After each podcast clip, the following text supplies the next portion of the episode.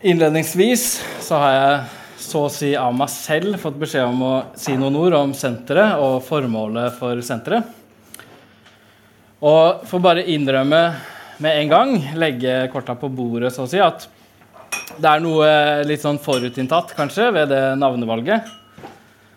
I all den tid det er mye historie som viser at det er den enkleste ting i verden å titulere seg som marxist og en ganske annen og mye vanskeligere ting å leve opp til en sånn tittel. Sånn vi kan, men vi kan i hvert fall si at eh, Marxistisk Senter har blitt starta av en gruppe mennesker som prøver vi prøver så godt vi kan, som best vi kan, å være marxister. I første omgang eh, så vil vi gjøre det ved å skape en slags partiuavhengig varig plattform for formidling, diskusjon av marxistisk teori. Ikke som et slags politisk parti eller fraksjonsbyggende prosjekt på noen måte, men som et prosjekt som eh, på et større, større, plan vil formidle eh, diskusjon og, og, for den saks skyld handling på et eh, marxistisk grunnlag. Det er da gjennom arrangering av møter, studiesirkler, konferanser, utforming av studiehefter. F.eks. fokusert på spørsmål om økonomisk teori, på Marx' 'Kapitalen', men også eksempelvis den internasjonale arbeidsdeling, globale verdikjeder, nasjonal lønnspolitikk og andre ting sett i lys av det. Vi har også uh, satt i gang en podkast hvor vi slipper uh, forskjellige lydfiler som vi føler at realiserer den målsetningen på en eller annen måte. Blant annet, eh, og som også inneholder en del diskusjon av sosialistisk teori. Så nok om det. Eh, det viktigste poenget er vel at møtet i dag illustrerer eller forhåpentligvis illustrerer hva slags diskusjoner vi ønsker å starte, og hvordan vi ønsker å ta de. Sånn omtrent. Så har jeg et innlegg, og det har en, eh, hva skal man si, en tittel som er noe sånt som hvorfor analysen av kapitalen eller kapitalanalyse ikke burde ikke høre hjemme på 60- og 70-tallet. Jeg begynner vel eh, med et poeng som, som, var til stede i forrige foredrag også, om at samtiden ser ut til å være herjet av kriser. Fra den økonomiske krisen i 2008, gjeldskrisa i 2010 de etterfølgende vekstratene i vestlige økonomier. Covid til mer kanskje spektakulære, spesielle kriser, som eh, covid-pandemien og, og, for så vidt også Russlands invasjon av Ukraina. Alle disse momentene reiser spørsmålet om hvilken politikk vi, som deler av det vi kanskje kan omtale som en forhåpentligvis blivende radikal arbeiderbevegelse, hvilken politikk vi bør føre i krisetider, hva som skal og bør være våre retningsgivende mål. Hvilket da igjen reiser spørsmålet om vi trenger marxistisk teori, og kanskje også om hvilken marxistisk teori vi trenger. Og jeg tar som utgangspunkt at i den grad Forhåpentligvis ikke et for sleivete poeng, men, men, men, at i den grad teori nå er liksom, så å si allment anerkjent i den brede sosialistbevegelsen, så er det ofte også med en antakelse at man med teori sikter til enkle, lett fordøyelige pamfletter som det koster liten anstrengelse å fordøye. Og det er selvfølgelig fornuftig å holde stand mot stammespråket som kan være karakteristisk for akademia. Men jeg vil også si at det enkleste alltid vil være å holde seg på nivået til det kjente. Til lettvintheter som ikke kommer seg videre. Som Hegel sier, så er det kjente bare fordi det, fordi det bare er kjent, nettopp ikke er kjent. Og som Mark sier, så er det først med innsikt i sammenhengen at troen på de bestående tilstanders permanente nødvendighet blir styrtet i teorien før de styrtes i praksis. Teori er nødvendig ettersom samfunnets bestemmende indre kjerne ikke er umiddelbart synlig på overflata. Så blir spørsmålet hvilken teori. Og da mener jeg at et godt sted å begynne er Marx og, og kanskje framfor alt kapitalen. Fordi det som kjennetegner Marx, eh, kapitalen, er at den ikke simpelthen var et bidrag til den brede økonomiske litteraturen, og i hvert fall ikke til den politiske økonomien, som betrakta sin vitenskap som en avdeling av den allmenne politiske styringskunsten, statsmannskunsten. Den klassiske økonomen Adam Smith ønska med sine verker å redegjøre for hvordan en statsmann kunne administrere økonomiske affærer på en gunstig, rasjonell måte, men også med en kløkt som forhindra opprør og streik. Og jeg vil da si, i det store og det hele, så er det denne tradisjonen veldig mange bidragsytere til økonomifaget skriver seg inn i. Enten de regner seg som ortodokse eller heterodokse, frihandlere eller proteksjonister. Marx derimot, og det som gjør han aktuell, er at han gikk inn i en periode av virkelig seriøse og målretta økonomiske studier først på 1850-tallet. I kjølvannet av det, det, som da viste seg å være det endelige nederlaget til 1848-revolusjonene. Det var selvfølgelig en, en, eh, en omfattende økonomisk krise som hadde utløst selve revolusjonene i 1848. Revolusjonene, som Marx og Engels jo deltok i, ble knust av militærmakt. Men det var en lang, langvarig økonomisk høykonjunktur som sørga for at den nye orden, som fulgte den politiske restaurasjonen, ble så stabil som den ble. Så da Marx og Engels etter, etter det her, etter nederlaget, satte seg ned og skulle gjøre opp regnskapet, og trekke lærdommer fra revolusjonens hendelsesforløp for å identifisere hva som hadde gått galt, og trekke, trekke lærdommer til neste, neste, neste, opprør, neste revolusjonsbølge, så var det åpenbart fordi at en analyse av økonomiske konjunktursvingninger og kriser måtte være en del av et sånt regnskap. Måtte være en del av læringsprosessen som man gikk inn i.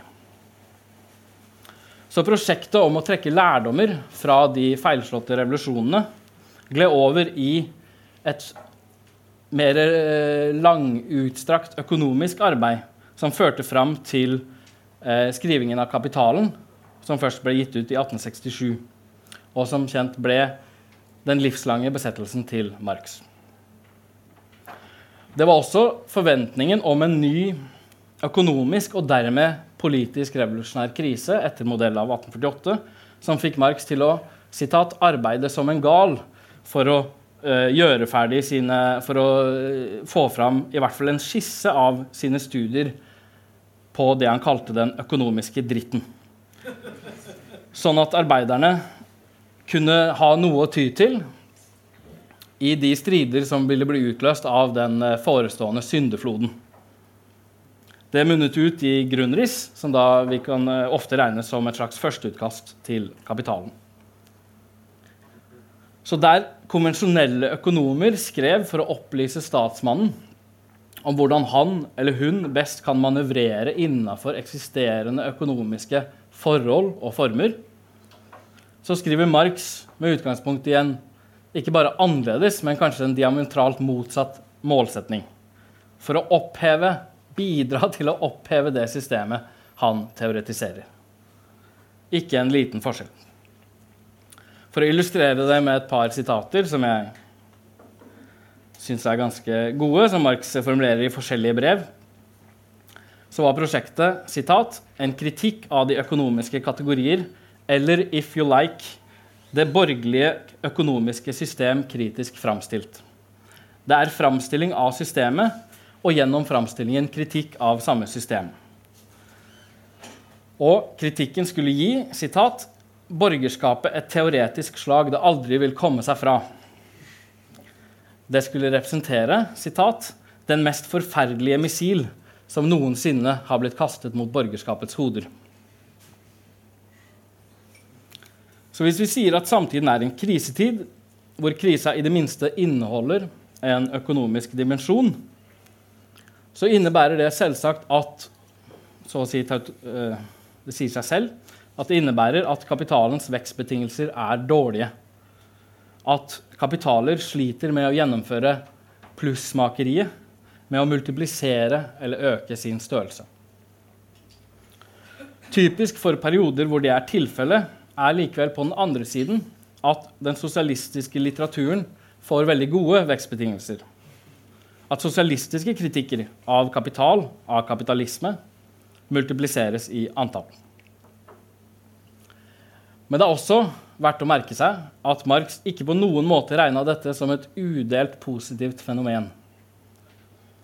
Og dette siden sosialisme var, og alltid hadde vært, en i beste fall flertydig betegnelse som viste til en mengde ulike reaksjoner mot det borgerlige samfunn, som var, jeg tror var Marx' foretrukne betegnelse, hvorav noen av de var eh, verdifulle, andre var misforståtte, andre igjen kanskje reaksjonære, og noen eh, siste kanskje vi til og med kan si heller motbydelige. Bare for å gi en smakebit på det, så kan man si det, det, det har fantes eh, strømninger rundt den katolske kirken, eh, rundt aristokratiet, som helt siden i hvert fall siden revolusjonen i 1789 har rast mot pengedyrkelsen i det moderne samfunnet. I et ikke bare tilbakeskuende og fortidsidylliserende modus, men også eh, drevet fram og, og gjennomsyra av en dyp antisemittisme. Og jeg vil også si at, at dette er en sosialistisk tendens som fortsatt er levende, og som også får sine betingelser fornya og styrka av en krisetid. Så det som er politisk betydningsfullt i Marx, er vel mitt poeng. Det er ikke simpelthen at han var sosialist. Det å være sosialist er i og for seg ingen eh, spesiell bragd. Det som er betydningsfullt, er at han baserer sin sosialisme på en analyse av det eksisterende samfunn, det borgerlige samfunn, og av, det, av dets kjernestruktur, som han identifiserer som kapitalen, og i tillegg til en, dyp, spissfintlig analyse av også kapitalens bestanddeler og røtter, det den springer ut av. Av varene, av pengene. Og, og det jeg tror er viktig å framheve i en tid med, med gode vekstbetingelser for sosialismer av alle mulige slags typer, alle mulige rare typer, er at man på det grunnlaget At det er først og fremst på et sånt grunnlag, en grunnlag av en sånn analyse, at man kan gjøre en virkelig kritisk, gjennomskuende analyse av et sånt virvar av sosialistiske tendenser. Og komme fram til, til et virkelig handlingsgrunnlag som kan eh, gjøre noe i verden. For å ta et eksempel, ikke helt tilfeldig valgt, men hvis man da oppfatter kapitalismen som et slags system som eh, i det vesentlige er basert på individuell griskhet og egoisme, så har man gjort en prisverdig innsats for å undergrave, bekjempe det systemet hvis man bruker sin fritid til å preke medmenneskelighet og nestekjærlighet.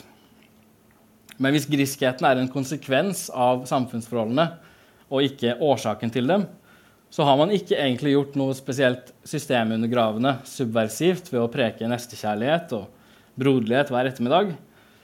Eh, og, og, kanskje kan man til og med si at man har beskytta systemet mot kritikk ved å avlede oppmerksomheten bort fra det som er dens virkelig bestemmende kjerne. Og hvis vi sier at våre nestekjærlige sosialister har en tilforlatelig og kanskje ikke helt uvanlig samfunnsdiagnose, at de til spørsmålet 'Hvorfor dreier så mye i samfunnet?' Eh, seg nå rundt profittjakt, eh, plussmakeri, så svarer de, får vi til svar.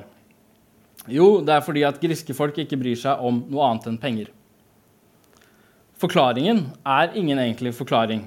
Det er heller en improvisert lettvinthet som forutsetter å ta for gitt det som skulle forklares. Hvorfor vokser søppelmengdene i verdenshavet? Jo, fordi mennesker aldri kan nøye seg med det de har. Hvorfor stiger og synker solen? Jo, fordi solguden Atum Ra drar den med seg på sin ferd fram og tilbake over himmelhvelvingen. Sunn fornuftige intuisjoner har begrensninger.